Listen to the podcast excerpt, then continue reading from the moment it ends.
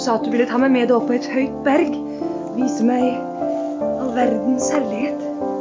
Lovet jeg virkelig deg, også det?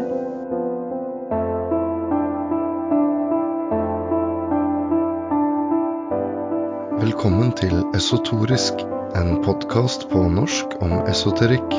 Jeg heter Thor og inviterer deg med på en reise inn i esoterikkens og mysterienes verden.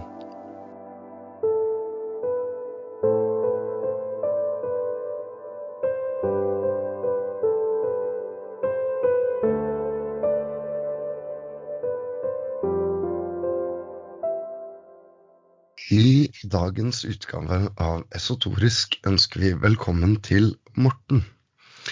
Morten er en relativt ny utøver som har praktisert ritualmagi i en litt begrenset form over en periode på nesten halvannet år. Først og fremst, Morten, velkommen til oss, og tusen takk for at du har sagt deg villig til å bli med på dette prosjektet. Jo, tusen takk for invitasjonen. og jeg syns dette kan bli veldig spennende å bli med på. Så dette ser jeg frem til.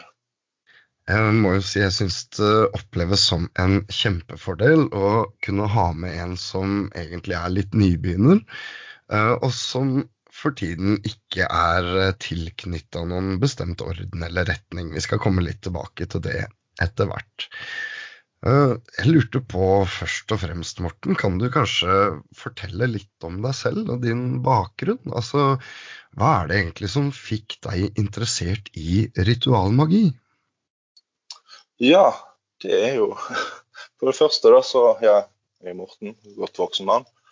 Og jeg er den jeg er. Og eh, min reise og interesse for dette begynte jo eh, for ganske lenge siden. En del år tilbake fra jeg var forholdsvis ung og hadde interesse for dette. Men eh, den mest, mer utøvende praksisen begynte jeg heller ikke med før i voksen alder. Og da, da når jeg tok kontakt med, med SRC eh, for eh, ja, to år siden, tror jeg det var. To og et halvt, muligens. Kan vi bare stoppe deg der? SRC, kan du fortelle hva det er? SRC, uh, Solidrat uh, Rosa Cruci-ordenen, som er i Stavanger. Riktig, så du tok rett og slett kontakt med en magisk orden i voksen alder? Ja, det stemmer. det eh, ble anbefalt de eh, å, se på de, og leste på nettsiden. Og, og det, det hørtes veldig riktig ut, det som de skrev at de gjorde. Og jeg ble veldig interessert i det, og, og tok kontakt og fikk, eh, fikk kontakt. Det var veldig hyggelige mennesker. Og ja, fikk da tilbud om et, et såkalt aspirantprogram hos de. Ja, så, så du begynte du, du, tok rett og slett et aspirantprogram, da? Ja. Det var jo da en, en introduksjon, kan du si, til ordenen. Uh, hvor du får leksjoner i de forskjellige tilnærmingene som de har. Og det var veldig spennende, for å ja, bruke det ordet. Mm. Ja. Du sier uh, det de driver med, og, og, og deres tilnærminger. Uh, kan du fortelle litt om hva det innebærer? Altså, vi kan jo kanskje medgi såpass at uh, vi er jo fortsatt i episodeserien Ritualmagi. Ja. Så det er vel kanskje Nei. noe innafor det de, de driver med? Ja, den tradisjonen de følger, eh, så fikk jo jeg lære om eh, det kabbalistiske kors, som du eh, snakket om i forrige episode. og da lærte jeg etterpå oppfølgingen, som du også nevnte, er jo The Lesser Ritual of the Pentagram. Mm. Så, så, du begynte rett og slett å utøve det kabalistiske kors og, og, det mindre pentagramritualet ut ifra aspirantprogrammet til denne magiske ordenen SRC? Ja, det stemmer. Uh, da fikk jeg tildelt leksjoner hvor det sto hvordan man skulle praktisere dette og, utøve det og gjøre det.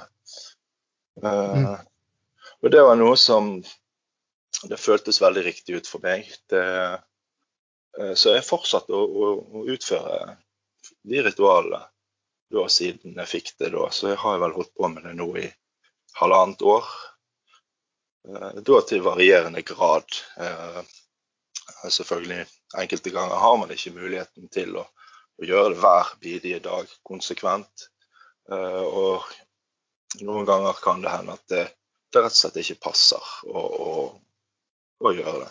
Men det viktigste jeg har følt, har vært å utføre det så regelmessig som mulig, og under de omstendighetene eh, tilpasse seg da etter det. Ja. Så, så, regelmessig som mulig, sier du. Altså eh, hvorfor? Hva, hva, opplever du egentlig at du får når du gjør eh, denne praksisen? Vel, jeg vil jo ikke si at jeg får noe i den forstand. Um, det føles riktig ut. Det, det Han som han mentoren jeg hadde i eh, SRC, han eh, kalte det for en spirituell dusj. Og det syns jeg er en veldig passende beskrivelse. For det er, det er det det føles ut som. Og det er en renselse det er selve ritualet for meg er som en meditasjon i seg sjøl. Og eh, du ber ikke om noe. Du kan anse det som en meditasjon eller en bønn, men du ber ikke om noe konkret i den forstand. Um, eh, ja.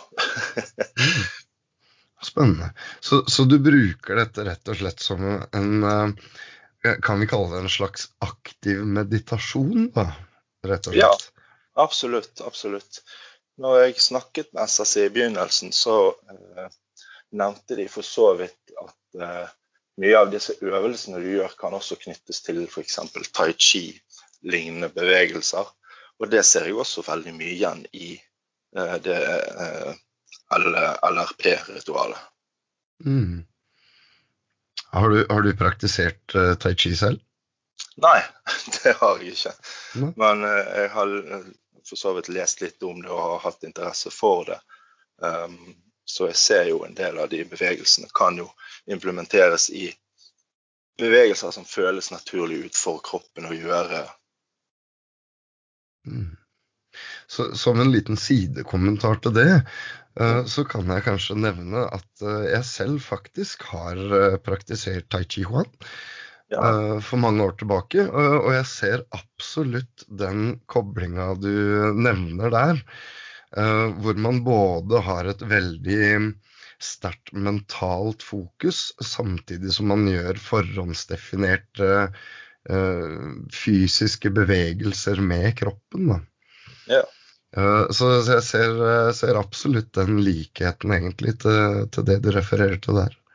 Ja, absolutt. Det er jo Du kan jo kombinere det med enda mer rytmiske bevegelser om du vil. Og du, du kan rett og slett danse det om ønskelig.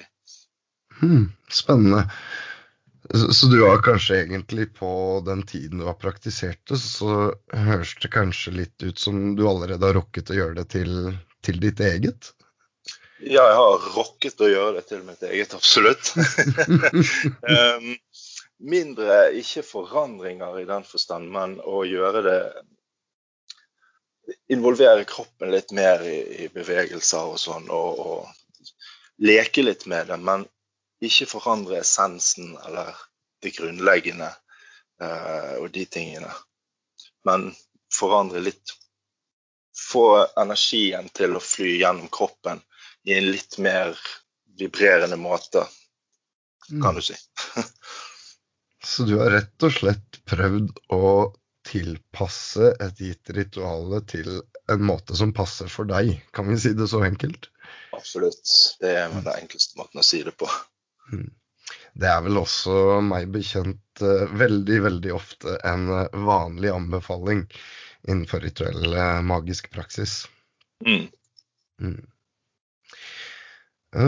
Jeg lurte på Du, du nevner uh, The Lesser Ritual of the Pentagram, eller altså det mindre pentagramritualet. Ja. Uh, dette har vi så vidt vært inne på i uh, forrige episode og i muligens bonusepisoden, som nok har blitt sluppet før dette intervjuet slippes. det mindre pentagramritualet fins jo i to utgaver en invokerende form og en forvisende form. Eh, kjenner du til dette? Ja, det, det gjør jeg. Og eh, jeg føler vel at de passer til forskjellige for si, anledninger. Alt dette som hva man ønsker å, å oppnå. Vel. At uh, man kan f.eks. bruke invokasjon til å, å påkalle energier, om det så skal være praktiske energier som å ikke stresse og, og, og få roet kroppen, eh, følelser. Eh, ja, du kan også gå enda lenger og, og, påkalle ånder og spesifikke skikkelser som har da forskjellige attributter som man ønsker å, å, å tilnærme seg. Og samtidig da er jo forvisning det er jo en fin måte å f.eks. avslutte kvelden på. Um, og endelig falle til ro og få vekk alt av unødvendige energier som er hos deg når du da skal uh, gå til ro, f.eks. Uh, ja, og, uh, og forvisningsritualversjonen er jo i seg sjøl en, en renselse, hvor du da får renset kroppen. Mm. Veldig, veldig spennende. Uh, så du nevner rett og slett faktisk flere helt praktiske, konkrete ting uh, som du kan bruke dette enkle ritualet til i, uh, i, hverdagen? Ja, det er i hvert fall sånn jeg har oppfattet det og følt det sånn. Mm. Utrolig spennende. Jeg må jo si også det samsvarer jo med det jeg personlig har lest av litteratur, bl.a. det som er eh, tidligere publisert av den esoteriske forfatteren Israel Regardi, som vi var inne på i episode én. Eh, hvor, hvor, det både nevnes eh, dette med invokere energier og Eh, men kanskje også spesielt viktig, som du nevner, både det med renselse og også forvisning, da, med dette forvisende ritualet hvor du sier at du kan gå til ro for kvelden. Det, det syns jeg er en veldig spennende kommentar. Det, det er en veldig praktisk uh, anvendelse som, som man ja. kan bruke i hverdagen. Ja, absolutt. Det føler jeg.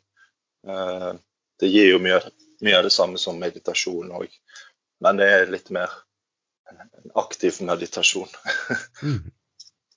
Veldig spennende. Uh, I bonusepisode én fikk vi en gjennomgang av ritualet Det kabbalistiske kors. Og i tilslutning til denne episode to i Ritualmagi-serien vil vi også slippe en bonusepisode med instruksjoner i det mindre pentagramritualet. Uh, Morten, det kabbalistiske kors, det har ifølge aspirantprogrammet som du viser til, uh, til hensikt å åpne en kanal til det høyere. Altså om en tenker seg det som det høyere selve, eller Gud, eller hva det enn måtte være, via denne rituelle praksisen, og ikke minst via ytringen av enkelte hellige navn. Mm. Dette er jo en ganske vesentlig og veldig gjentagende del av den vestlige esoteriske mysterietradisjonen. Kan du si litt om dine erfaringer rundt uh, dette? Ja, absolutt. Uh, det kabbalistiske kors um, er jo veldig spennende fordi at det er så omfattende, uh, men samtidig så enkelt det er en kort øvelse hvor du da mer eller mindre tegner et kors på kroppen. Og det blir som en kort bønn, men de invokasjonene eller de navnene som du eh, tonerer eh, har en veldig dyp mening, og hensikten med ritualet i seg sjøl òg har jo en fantastisk eh, har jo en fantastisk måte å tiltrekke seg energi på. Mm. Eh, det blir jo nesten Jeg ser på det av og til nesten som en slags nøkkel. Eh, ja. Eh, du jo utførte jo det ritualet i, i den episoden, og du hører de ordene som du uttaler. Det er jo ord fra, fra, fra Kabbala, og, som har en veldig dyp mening. Ja. for, for, veldig mange så oppleves jo det som uh, noe av det som kanskje er litt rart, eller uh, skal vi si rett og slett kleint. Å stå og lære seg å, å rope eller synge eller vibrere, som man sier, disse mm. merkelige navnene. Uh, hva var din erfaring i forhold til det? jo, jeg syns jo det var kjempekult. For mm. det er jo et Eh, et urgammelt eh, språk omtrent. Og det er et av de første språkene som beskriver eh, så mye av verden bare med ett ord, og av universet.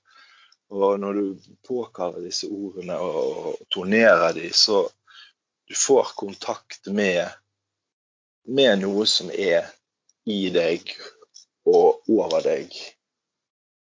Du, du drar energi Eh, fra universet og ned gjennom kroppen og i jorden og, og rundt hele jorden, som du står da som et symbol for.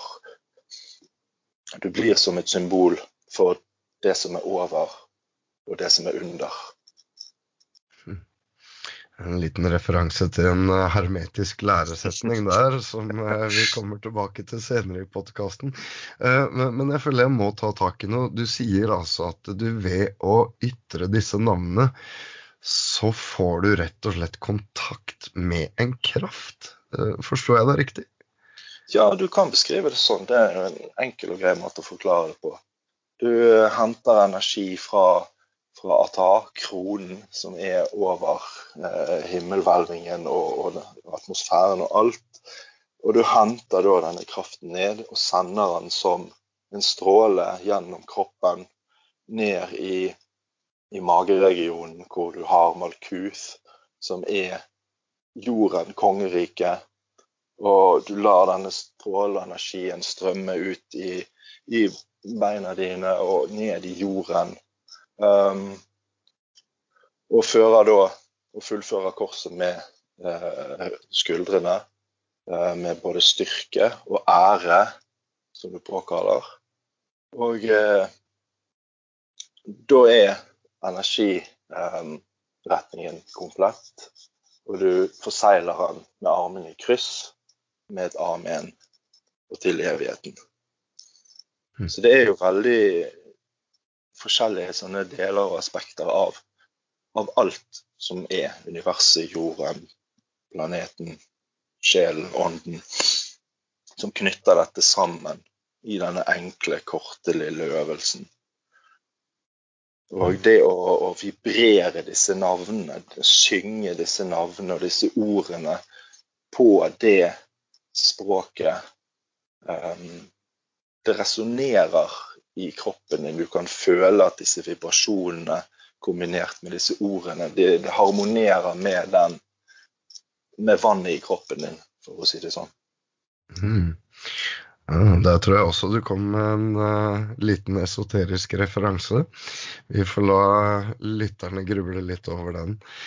Uh, etter at man da har utført det kavalistiske kors, så går man gjerne videre til det mindre pentagramritualet. Enten det er i en forvisende eller en invokerende form. Uh, her drar vi jo da denne praksisen uh, som vi var inne på litt tidligere, uh, nesten tai chi-lignende praksis. Tar vi denne et skritt videre i, i, forhold til det kabbalistiske kors, hvor man rett og slett i luften foran seg skal tegne en serie med pentagrammer, eller femkantede stjerner. Mens man også da intonerer eller vibrerer eh, noen slike hellige gudenavn. Kan du fortelle litt om din erfaring med denne delen av ritualet? Ja. Um, der òg eh, bruker du eh, kroppen som redskap. Du har eh, Du tegner pentagrammer rundt deg i alle fire himmelretningene som eh, du visualiserer at de flammer. Um, du har også et par andre eh, eh, håndbevegelser og, og, utøvelser som blir brukt i den hermetiske orden, sånn som eh, Hva er det det heter igjen? Da tenker jeg på eh, Tenker du Golden Dawn? Nei, jeg tenker på eh, projection sign og silence sign. Mm, ja. Er jo Dette er mm, to bevegelser, eh, kroppsbevegelser, som da ble undervist i den gamle hermetiske ordenen The Golden Dawn. Ja, og de spiller jo også en veldig stor sentral rolle i dette ritualet. For Det handler jo om å tilføre energi til pentagrammet, og så kutte energien til pentagrammet, så du kan bevege deg til neste, og det du laget da, kan få flamme i fred. Eh, Så du kutter dette båndet. Um, de eh, ordene og navnene man intonerer, er jo veldig spennende ord, for de har jo en utrolig bakgrunn. Det er jo da blant annet eh, det høyeste navnet til Gud. Det er en ting eh, som eh, Gud har sagt, og eh, ja. Eh, Du nevnte jo eh, Agala. Eh, nevnte jo du i, den eh, episode én. Mhm. Og eh, ja, det er jo sterke ord. Vi kan her gjerne nevne for lytterne våre vi, eh, Det kommer da som nevnt i bonusepisode to en detaljert eh, instruksjon i hvordan man gjennomfører det mindre pentagramritualet. Men disse hellige navnene som du her refererer til, Morten, det er da henholdsvis eh, det kabbalistiske ypperste navnet på Gud, eh, stavet jod hei vav hei på hebraisk. Videre er det eheie, som ifølge Mosebøkene var noe Gud sa til Moses da han spurte 'Hvem er du, Gud?' Og Gud svarte 'Eheie asher eheie', som betyr 'jeg er den jeg er'. Eh, I hvert fall én tolkning av det. Videre er et hellig navn Adonai, som betyr 'min herre'. Og til sist akronymet som du refererer til, Agla, som da betyr Ate gibor leolam Adonai, du er for alltid stor, min herre, på hebraisk. Bare for å ha oppklart det, sånn at eh, lytterne vet hva vi snakker om underveis. ja. Her er vi jo for så vidt også inne på at eh, hebraisk er et eh, ganske spesielt eh, skrift- og tall- og symbolspråk. Hvor bl.a. Numerologi er en vesentlig del av den jødiske mysterietradisjonen. Bl.a. fordi hver eneste bokstav i det hebraiske alfabetet også tilsvarer et tall og et ord, eller en bestemt symbolsk verdi. Så hebraisk er altså et uh, skriftspråk som man kan uh, leke seg med og, og studere ganske lenge. Ja, absolutt. Det er omfattende. og fin trening er jo rett og slett sitte og tegne disse symbolene og bokstavene. De det er fin øving. Så det prøver jeg å gjøre innimellom med å sitte da og, og tegne disse bokstavene. På samme måte som man lærte seg eh, runer når man var yngre.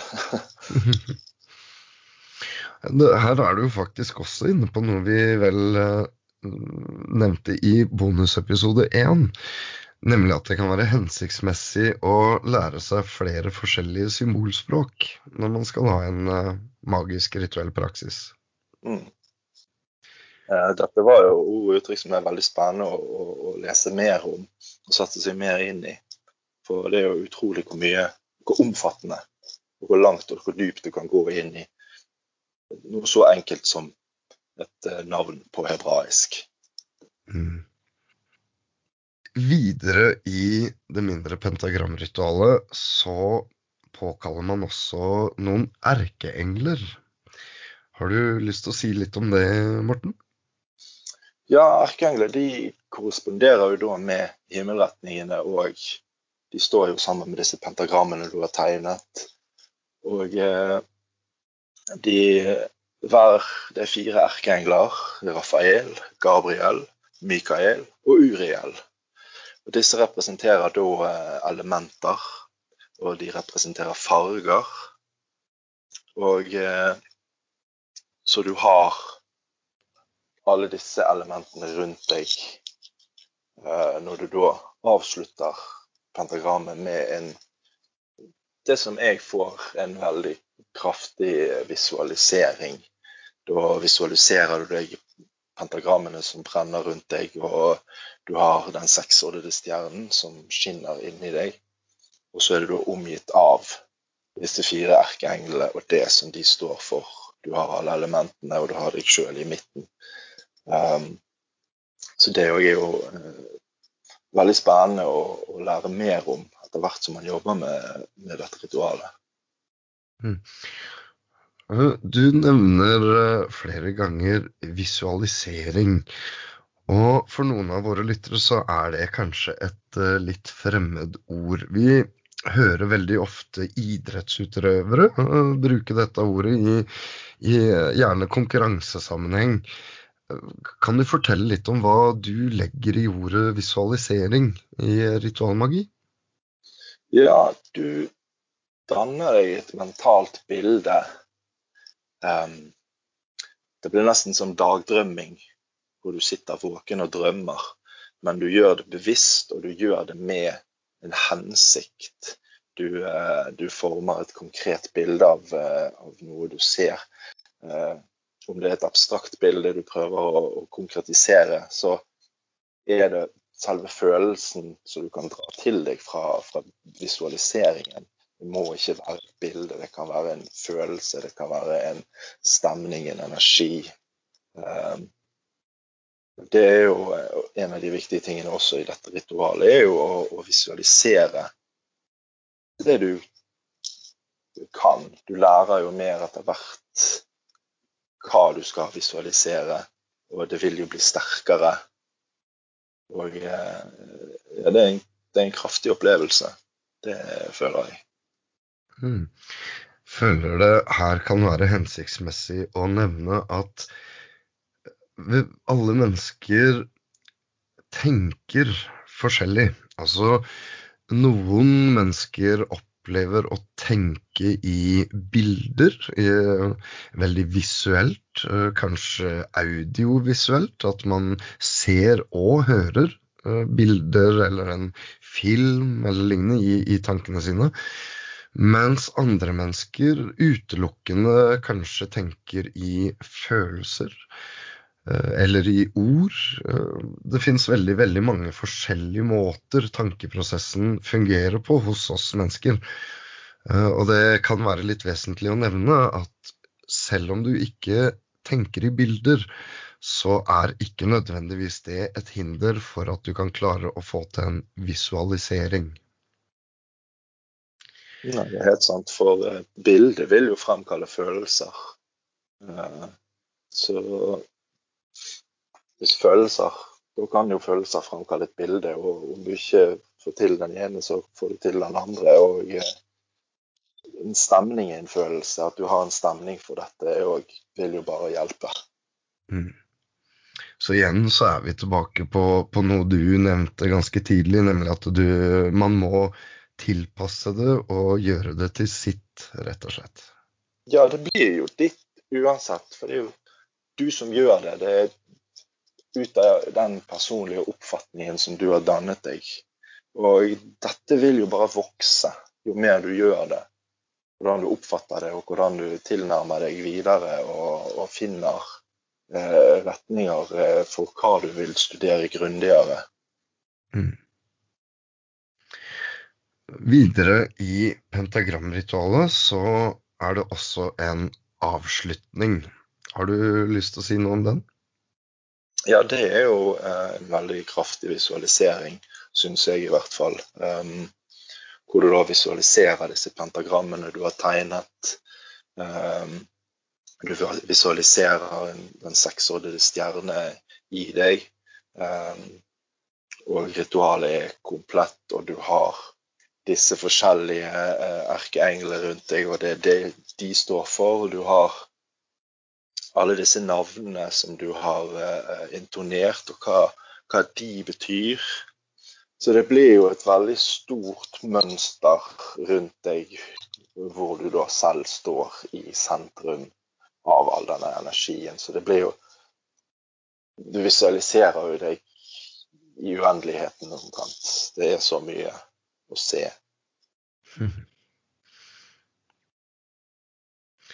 Så det du kanskje sier, er at etter at du har brukt litt tid på å fokusere, eh, meditere, intonere gudenavn, gjøre enkelte visualiseringer, så ender du rett og slett opp med en hel verden du har skapt rundt deg? Ja, verden har jo alltid vært der. Du har bare åpnet deg opp for det. Myndiggjørende, kan, kan vi si det? Ja, det, det kan man si. Så absolutt. Eh, her er vi jo inne på noe som ofte er eh, det vesentlige aspektet med nettopp ritualmagi, er at man har en innledende praksis hvor man åpner eh, det rommet man ønsker å arbeide i. Og når du da har skapt denne verden, som du da på en veldig elegant måte syns jeg refererer til, så opererer man da med å fremme sine intensjoner, rette fokuset hvis man ønsker å oppnå noe bestemt, det være seg penger eller kjærlighetsmagi eller hva det måtte være. Eh, så, så det du refererer til her, er nok eh, kanskje noe av det mest vesentlige aspektet, eller høydepunktet, i et uh, magisk ritual. Mm. Vi, må kanskje også nevne det, siden du først eh, går inn på dette med å invokere, og, også for så vidt forvisninger.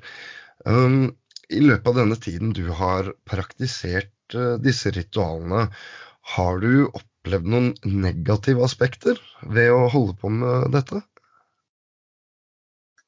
Nei. Enkelt og greit. Det har jeg ikke. Um, Nei, på ingen måte. Nei. Det finnes jo bl.a. Eh, noe som kalles spirituell bypass. Vi skal komme tilbake til det i en eh, senere episode av podkasten.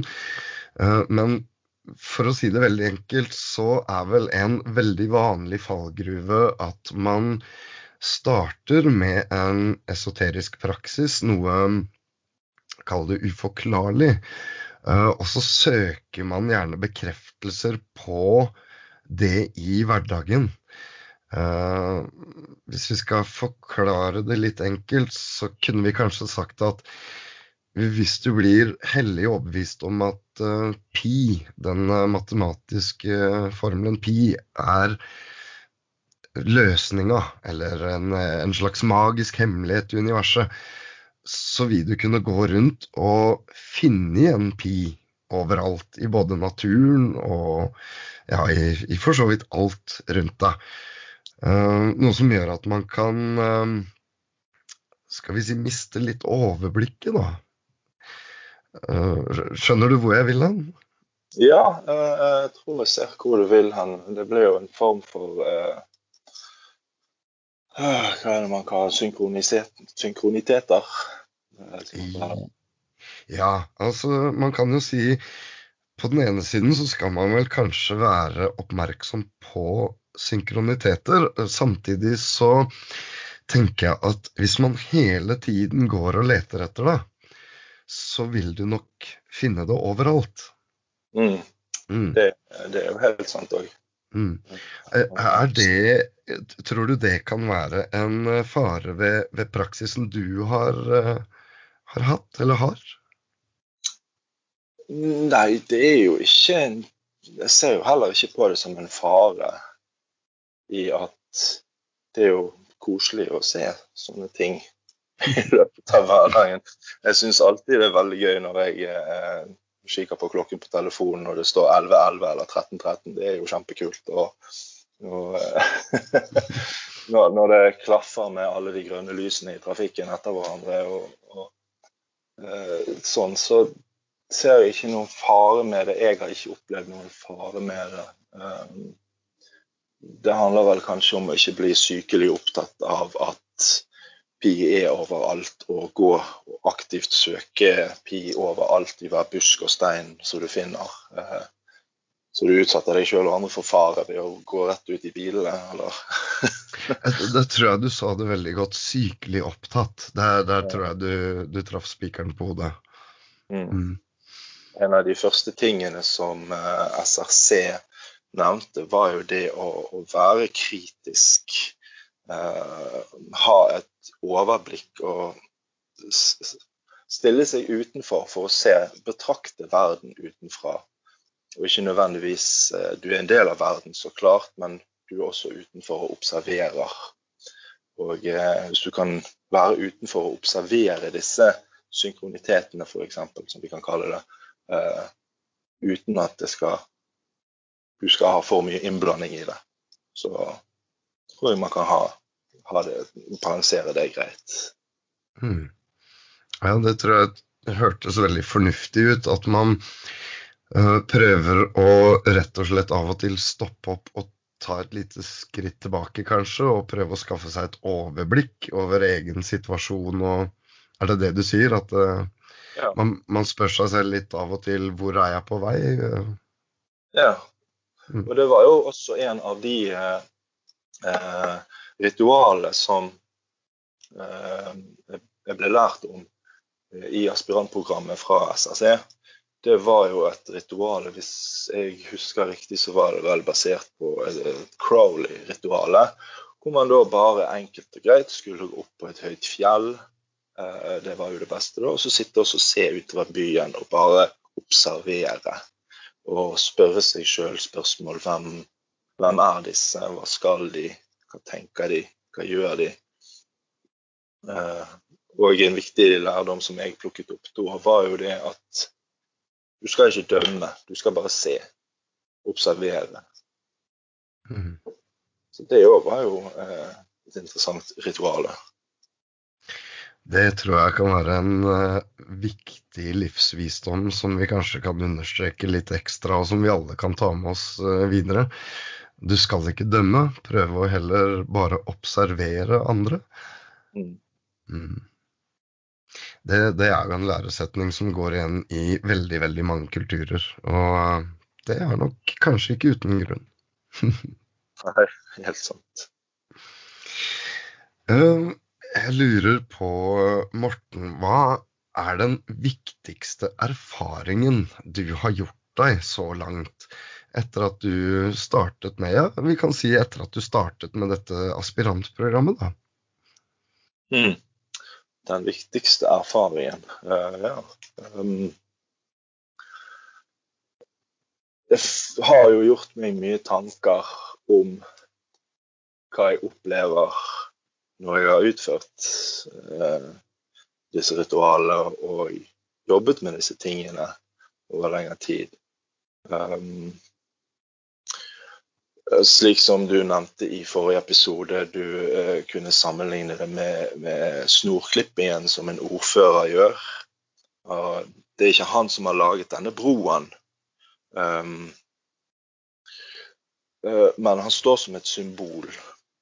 Og jeg har vel erfart på en måte at jeg står som et symbol uh, for mennesket og alt som hører det til. Jeg er en av alt, og alt er en del av meg. At alt henger sammen. Det er vel en av de mest kan du si, grunnleggende erfaringene jeg, jeg har uh, gjort meg. Hmm. Du, eh, med det du sier, så vet jeg at innenfor en god del tradisjoner så snakker du egentlig allerede om det en del kaller gnosis, eller altså den hemmelige, erfarte lærdom. Mm. Eh, Jeg lurer på, i, kanskje litt i den forbindelse egentlig, Morten, kommer du til å søke å utvikle deg videre innenfor ritualmagi? Altså, jeg tenker feltet er jo ekstremt stort, eh, og du snakker litt om at du føler dette har vært veldig riktig for deg. Ja. Eh, Så da lurer jeg litt på hvor ser du for deg at veien går videre? Og det er et spennende spørsmål. Um, jeg kommer til å fortsette. Jeg kommer til å utvide det jeg kan lære. Jeg er veldig interessert i å lese det jeg kan komme over av litteratur, og da av forskjellige eh, tradisjoner om både gnostisisme og kristendom og eh, hermetisme og Ja. Og hvilken vei um, der skrev jeg et lite, eh, en liten tekst som jeg kan lese. Um, det er en vei å gå hvor målet er i mørket. Etter hvert som du går, lyser du opp stien, og du bestemmer selv hvor langt du vil gå. Det finnes ingen ende, ikke før du er der.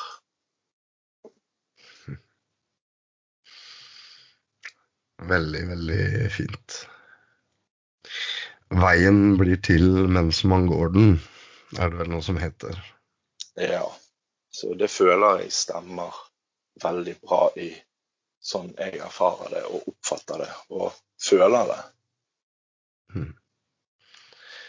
Så det jeg kanskje hører du si, da, hvis jeg får lov til å, til å legge litt tolkning i det, er vel at du kanskje har um, startet det som kan muligens bli en livslang reise? Det tror jeg absolutt kommer til å bli. Um, det har vel egentlig uh, tatt stilling til at det kom det til å bli, når jeg forsto omfanget av det som denne orden driver med. Og når jeg begynte å utvide det jeg kan om dette temaet og disse tradisjonene. At dette vil bli en livslang reise, for det er Det, det slutter ikke. Mm. Ser du for deg at du kan ha nytte av det i tiden framover? Ja, det, det skulle jeg tro. Eh, For som nevnt tidligere, så vil jeg alltid komme til å gå denne veien. Så det vil være en naturlig del å lære mer om bokstavene og, og symboler og, og som er. Og sette seg inn i hva de betyr, og hva de eh, Hvordan de kan brukes sammen med, med kroppen og ritualer og, og, praksis, rett og slett. Høres ut som du har eh, ganske mye studier foran deg, om ikke annet. Ja, absolutt. Det, det vil jeg alltid ha, og det er jeg veldig glad for. Da, da er det også veldig fint, syns vi, at du har lyst til å være med på denne reisen sammen med oss. Eh, Det er jo noe av det vi er ute etter med denne podkasten, er jo nettopp å skape et rom og knytte kontakter, skape fellesskap, eh, når vi sammen går på denne reisen og, og utforsker det underlige og åndelige. Mm. Og eh, et annet punkt jeg kan tilføye til akkurat det med forskjellige tradisjoner, er det at langs veien så finner du utallige oppdagelser som vil utvide forståelsen av alt som er. Mm. Det tror jeg er veldig sant. Det tror jeg òg. Jeg tror eh, faktisk det var eh, så kloke ord at vi kanskje kan eh, vurdere å runde av med det. Mm. Med mindre du har noe du ønsker å legge til eh, her på slutten, Morten? uh, ja.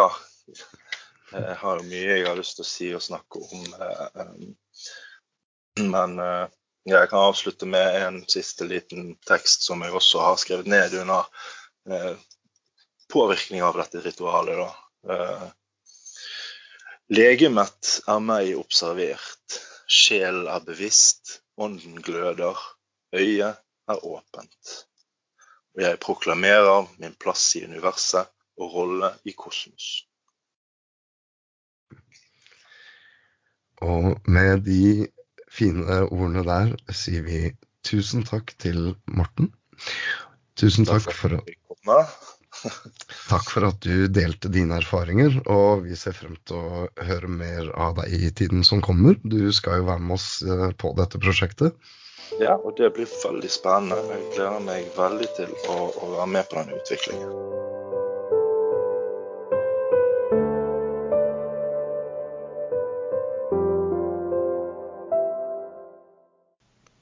Vi vil gjerne be deg om én siste ting, kjære lytter. Om du liker denne podkasten, kan du hjelpe oss, deg selv og andre ved å gi denne podkasten en god rating på Apple Podkast, eller dele en link i sosiale medier. Et lys brenner ikke dårligere av å la flammen tenne nye lys. Vi ønsker nemlig å holde denne podkasten gratis og reklamefri, og da trenger vi din hjelp og en god anmeldelse eller en deling til dine venner på sosiale medier hjelper mer enn man kunne ane. Kanskje når du ut til noen du ikke ante ville ha glede av dette, og hjelper dem på veien. Hva om du kanskje danner nye esoteriske bånd sammen med oss? Apropos, hva betyr esoterikk for deg i ditt liv, kjære lytter? Hva består din praksis av? Er du nybegynner, erfaren eller noe midt imellom? Har du hatt glede eller nytte av temaene eller ritualene vi har presentert så langt? Vi vil gjerne høre fra deg. Send oss dine tilbakemeldinger, opplevelser, spørsmål eller tanker på kontakt krøllalfa esotorisk.no via Facebook, Instagram eller Twitter. Eller legg igjen en talebeskjed hos vår podkastleverandør. Linker til alt finner du i episodenotatene eller på vår nettside esotorisk.no. Bli med oss på reisen og ta del i det voksende fellesskapet når vi utforsker esoterikkens og mysterienes verden. For tenk hva om? Takk for nå, og på gjenhør.